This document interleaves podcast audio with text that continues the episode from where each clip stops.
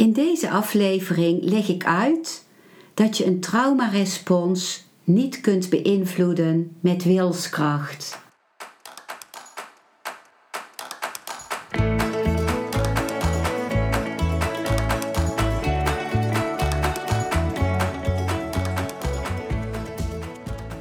Welkom bij een nieuwe aflevering van Modita's podcast Van Pijn naar Zijn. De podcast waarin ik je meeneem voorbij de pijn in je leven naar wie je diep van binnen bent. Hoe kun je beter omgaan met je gevoelens? Hoe vind je rust in je hoofd? Wat zit er precies achter je pijn?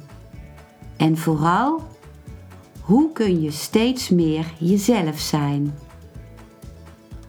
Adem eens diep in en uit. Ik wens je veel luisterplezier.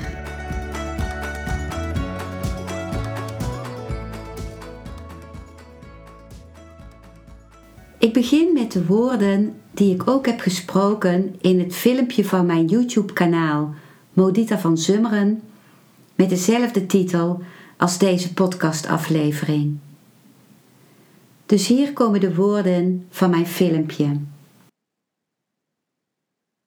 Een traumarespons, dus iets wat nog steeds als patroon in je zit, als antwoord op een eerdere overweldigende prikkel of gebeurtenis of herhaling van gebeurtenissen die te groot voor je waren, voor je zenuwstelsel, kun je niet beïnvloeden met je bewuste wil, met je wilskracht. Omdat je wilskracht in verbinding staat met je willekeurige zenuwstelsel. Wat je kunt beïnvloeden door je wil, gaat via je willekeurige zenuwen. En die staan in verbinding met je neocortex, met het nieuwste gedeelte van je hersenen. Maar de reactie op een traumatisch iets, op een overweldigend iets uit het verleden, die is gegaan via je onwillekeurige zenuwstelsel. Die traumarespons, het antwoord op het trauma, is gegaan via de hersenstam en via het onwillekeurige zenuwstelsel. Dat was nodig omdat die reactie heel snel moest gebeuren. Dus die maakte gebruik van een heel snel reactiesysteem. En dat is je onwillekeurige zenuwstelsel. En als je nu de, uh, nog reageert volgens dat patroon, omdat destijds de impuls die je had, die je oorspronkelijk had om te vechten of te vluchten, niet afgemaakt kon worden. Als je dat nu nog bij je draagt, dan speelt die traumarespons je zich af in het hier en nu. Gekoppeld aan de trigger die er nu is. Dus in het hier en nu is er een trigger die jou weer verbindt met die gebeurtenis van destijds en gaat je systeem onwillekeurig weer die respons geven die je destijds gegeven hebt. Omdat het destijds niet afgemaakt kon worden, reageert je lichaam nog steeds op die manier met dat patroon. Omdat dat patroon je eens gered heeft. En je systeem nog geen nieuwe manier heeft gevonden om ermee om te gaan. Dus dat is waar je in de traumaheling mee werkt. Om te gaan kijken naar wat wilde er afgemaakt worden. En hoe kan dat alsnog afgemaakt worden. Ik zal een voorbeeld geven. Stel, iemand heeft een bombardement meegemaakt in een oorlog. En in één keer stortte het hele gebouw in, bovenop hem. De impuls was om weg te rennen. Dus alle, energie werd gemobiliseerd in de benen om te kunnen rennen. Het hart ging sneller slaan. De ademhaling werd snel en oppervlakkig. Maar het kon niet, want alle toegangswegen om weg te kunnen rennen zijn geblokkeerd. En wat de persoon heeft gedaan is zichzelf beschermen. Dus die heeft met name ook zijn hoofd beschermd. Die is bijvoorbeeld in elkaar gedoken met de armen om het hoofd heen. Het hele lichaam heeft zich schrap gezet. En er is ook een dissociatie, dus een, een, als het ware het bijna verlaten van het lichaam, het helemaal blanco worden, om de gruwel van het instorten van het gebouw niet bewust mee te hoeven maken. En als dat uh, die brokstukken op een hele pijnlijke manier op het lichaam terechtkomen, dan gaat het lichaam zich ook beschermen door een soort van gelukshormonen te maken, endorfine, waardoor je ook beschermd wordt tegen het allergruwelijkste van deze ervaring.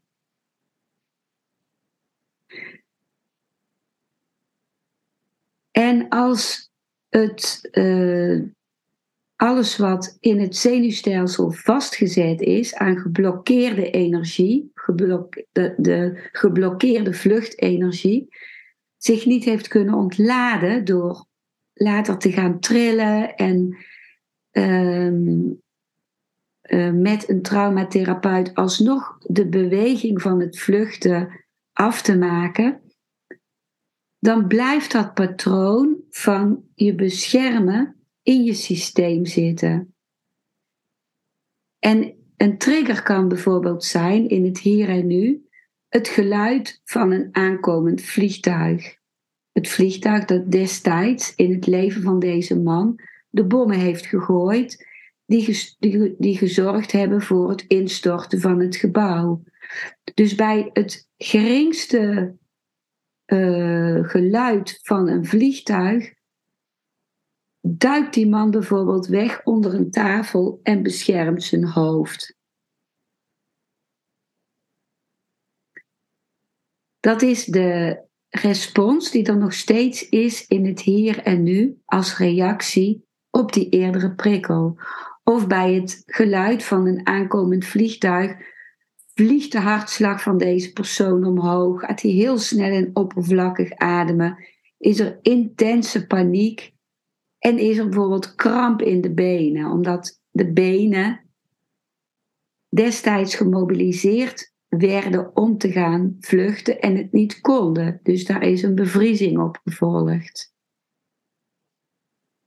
En soms is dat het enige wat de persoon waarneemt. Er is een geluid van een vliegtuig en er komt een intens gevoel van paniek.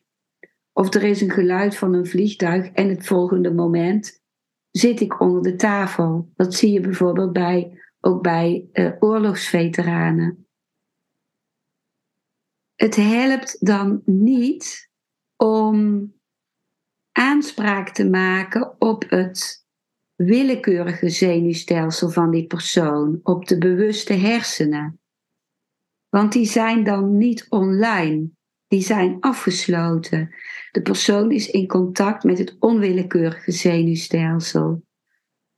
Dus het heeft als therapeut of als vriend of vriendin of familielid geen zin om ehm, een inzicht te willen geven aan die persoon. Om te zeggen van, kijk eens om je heen, het is hier veilig. Of een vliegtuig in Nederland uh, gooit geen bommen. Dat heeft geen zin. Die persoon weet dat zelf ook heus wel. Maar het onwillekeurige zenuwstelsel weet het niet. Het heeft ook geen zin om gedragstherapie te gaan doen. Om te gaan zeggen bijvoorbeeld, als het vliegtuig er aankomt, dan ga jij ontspannen in een stoel zitten, want die persoon kan zich niet eens ontspannen. die kan niet iets doen met zijn bewustzijn, met, de, met, de, met het willekeurige zenuwstelsel. Die persoon kan het niet met de wil beïnvloeden. Het heeft ook geen zin om te straffen, om iets af te straffen. Dat wordt ook wel in bepaalde therapieën gebruikt, dat een bepaald gedrag afgestraft wordt. Heeft totaal geen zin, voegt alleen nog maar spanning toe. Nou komt die afstrafimpuls nog bij die paniek van het geluid van het vliegtuig. Dus het heeft geen zin om iemand advies te geven of om iemand te willen fixen. Dat is heel vaak de houding van een therapeut om iemand te willen fixen. Wat helpt dan wel? Wat helpend is, is om de levenskracht die ook in de persoon aanwezig is en die op zo'n moment ergens begraven ligt, om die weer aan te boren. Dus om weer de ruimte te creëren waarin de persoon weer in contact kan komen met de levenskracht. En ook met de kracht die hem uiteindelijk heeft laten overleven. In feite heeft die persoon heel veel gedaan om te kunnen overleven. Het, het hoofd beschermd, weggedoken zijn, bevroren zijn, zodat alle energie geconserveerd bleef om heel lang onder zo'n ingestort gebouw te kunnen blijven liggen. Ook het afsplitsen, het dissociëren heeft bijgedragen aan het beschermen van de levensenergie.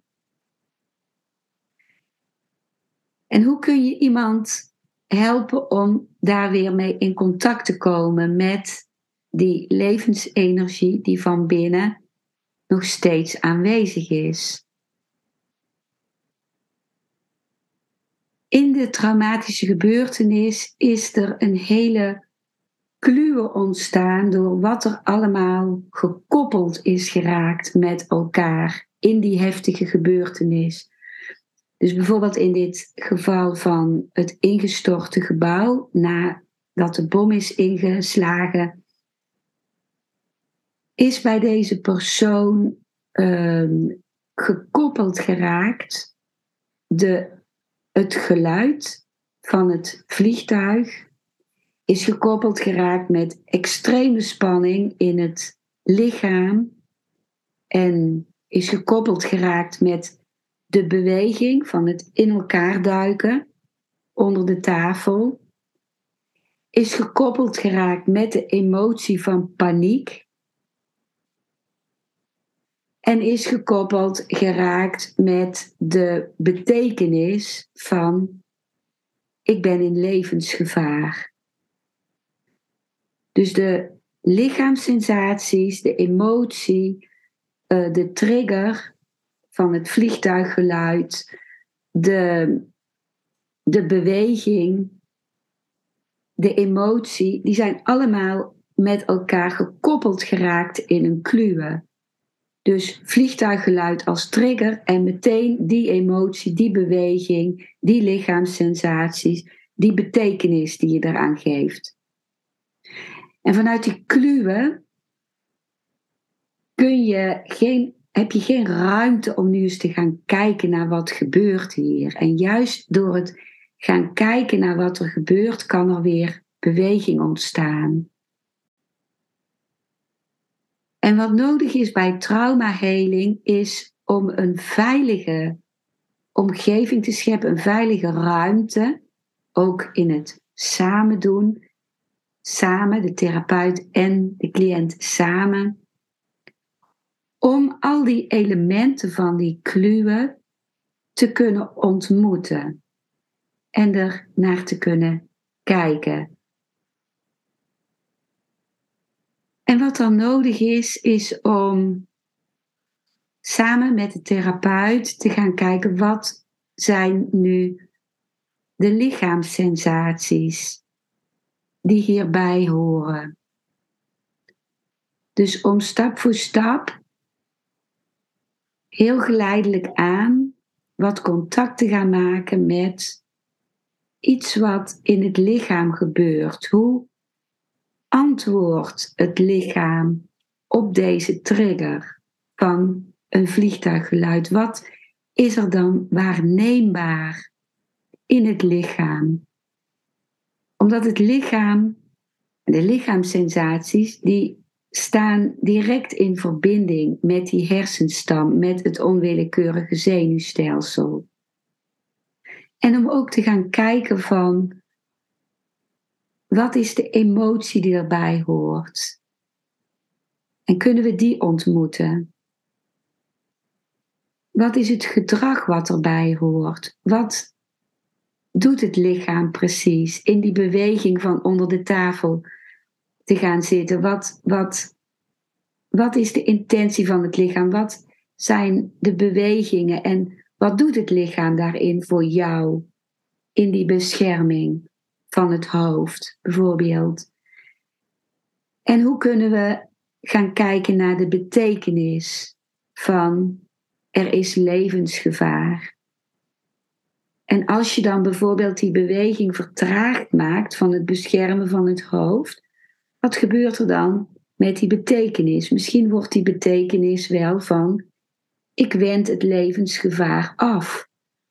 En dan kom je weer in verbinding met die levenskracht die jou beschermd heeft. Dus we gaan dan kijken in de trauma consulten naar wat is precies de volgorde? Waar leidt de trigger toe? Hoe leidt die bijvoorbeeld tot een lichaamssensatie en leidt die weer tot een emotie? En als je die volgorde weer gaat zien, dan komt er ook een gevoel van overzicht en een overzicht van binnenuit. Bij een overweldigende gebeurtenis als volwassene was er niet genoeg tijd om dat te kunnen doen. Want tijd zou levensbedreigend zijn. Dan moest heel snel moest je systeem iets doen. Maar nu is het belangrijk om die tijd die er toen niet was, wel te nemen. En die tijd kan dus zorgen dat je alles beter uit elkaar kunt rafelen en er weer overzicht en een gevoel van controle over krijgt. En bij een klein kind wat trauma meemaakte, was er mogelijk niet de regulerende ouder die daar die kon helpen om die prikkel die te veel was uh, te kunnen integreren. En dan kan het alsnog zo zijn dat het geïntegreerd kan worden met een traumatherapeut aan je zijde.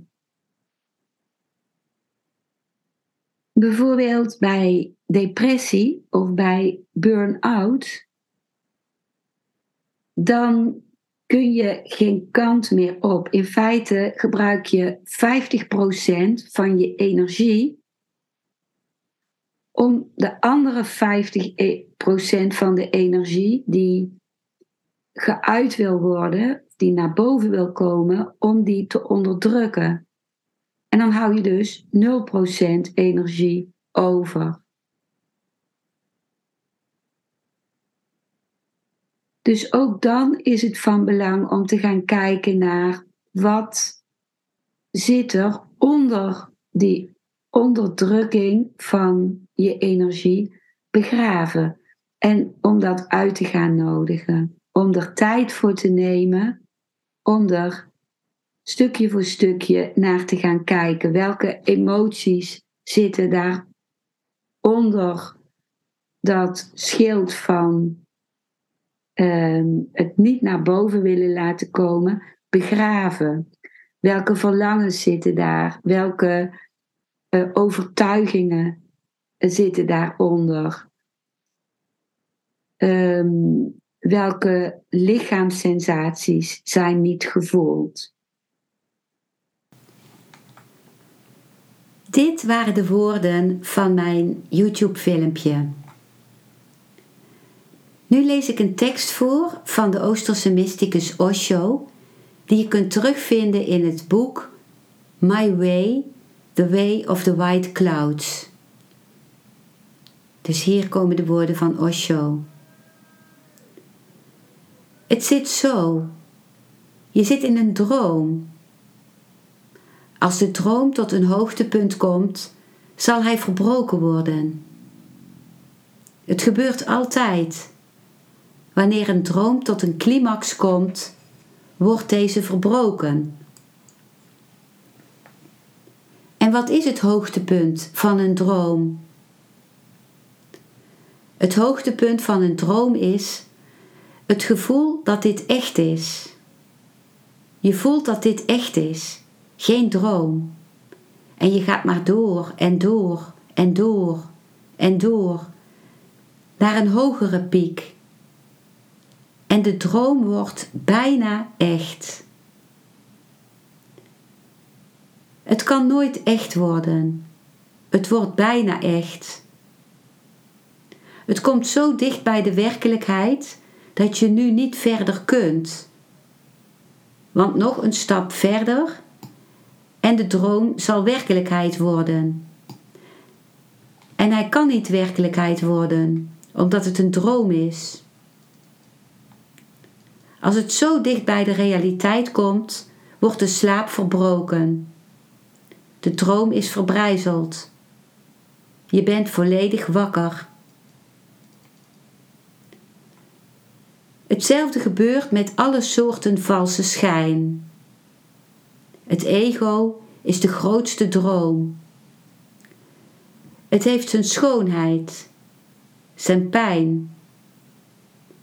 Het heeft zijn extase, zijn pijn. Het heeft zijn hemelen en hellen. Ze zijn beide daar. Dromen zijn soms mooi en soms nachtmerries, maar beide zijn dromen. Dus ik zeg je niet om uit je droom te komen voordat het daar tijd voor is. Nee, doe nooit iets voor zijn tijd. Sta dingen toe om te groeien. Sta dingen toe hun tijd te hebben zodat alles op een natuurlijke manier gebeurt. Het ego zal vallen.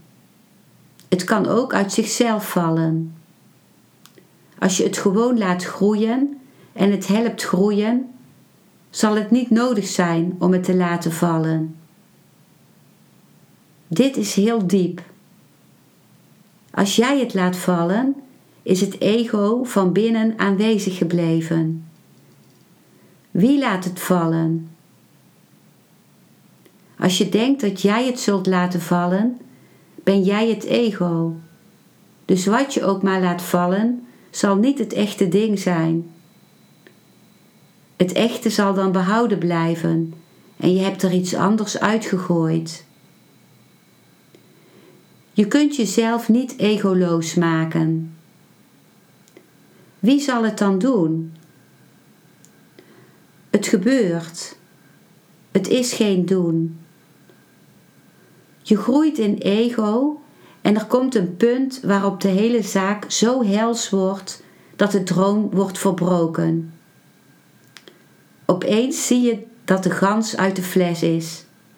Hij heeft nooit in de fles gezeten. Dit waren de woorden van Osho en met deze woorden beëindig ik deze aflevering. Dankjewel voor het luisteren naar deze aflevering. Ik hoop dat hij je een nieuw inzicht of perspectief heeft gegeven. Ik hou van interactie, dus als je iets wilt delen, stuur me dan een mailtje op info@genietenvanmeditatie.nl. Ik geef je dan altijd antwoord. Ik wens jou dat je vreugde in het dagelijks leven zult ervaren en innerlijke rust. En dat je steeds meer je pijn zult kunnen omvormen in zijn. Je kunt de afleveringen van deze podcast volgen via Spotify, Google Podcast, Apple Podcast en Podbean door op de volg- of abonneerknop te klikken. Als je luistert via de Apple Podcast, dat kan alleen als je een iPhone hebt, heb je een extra voordeel.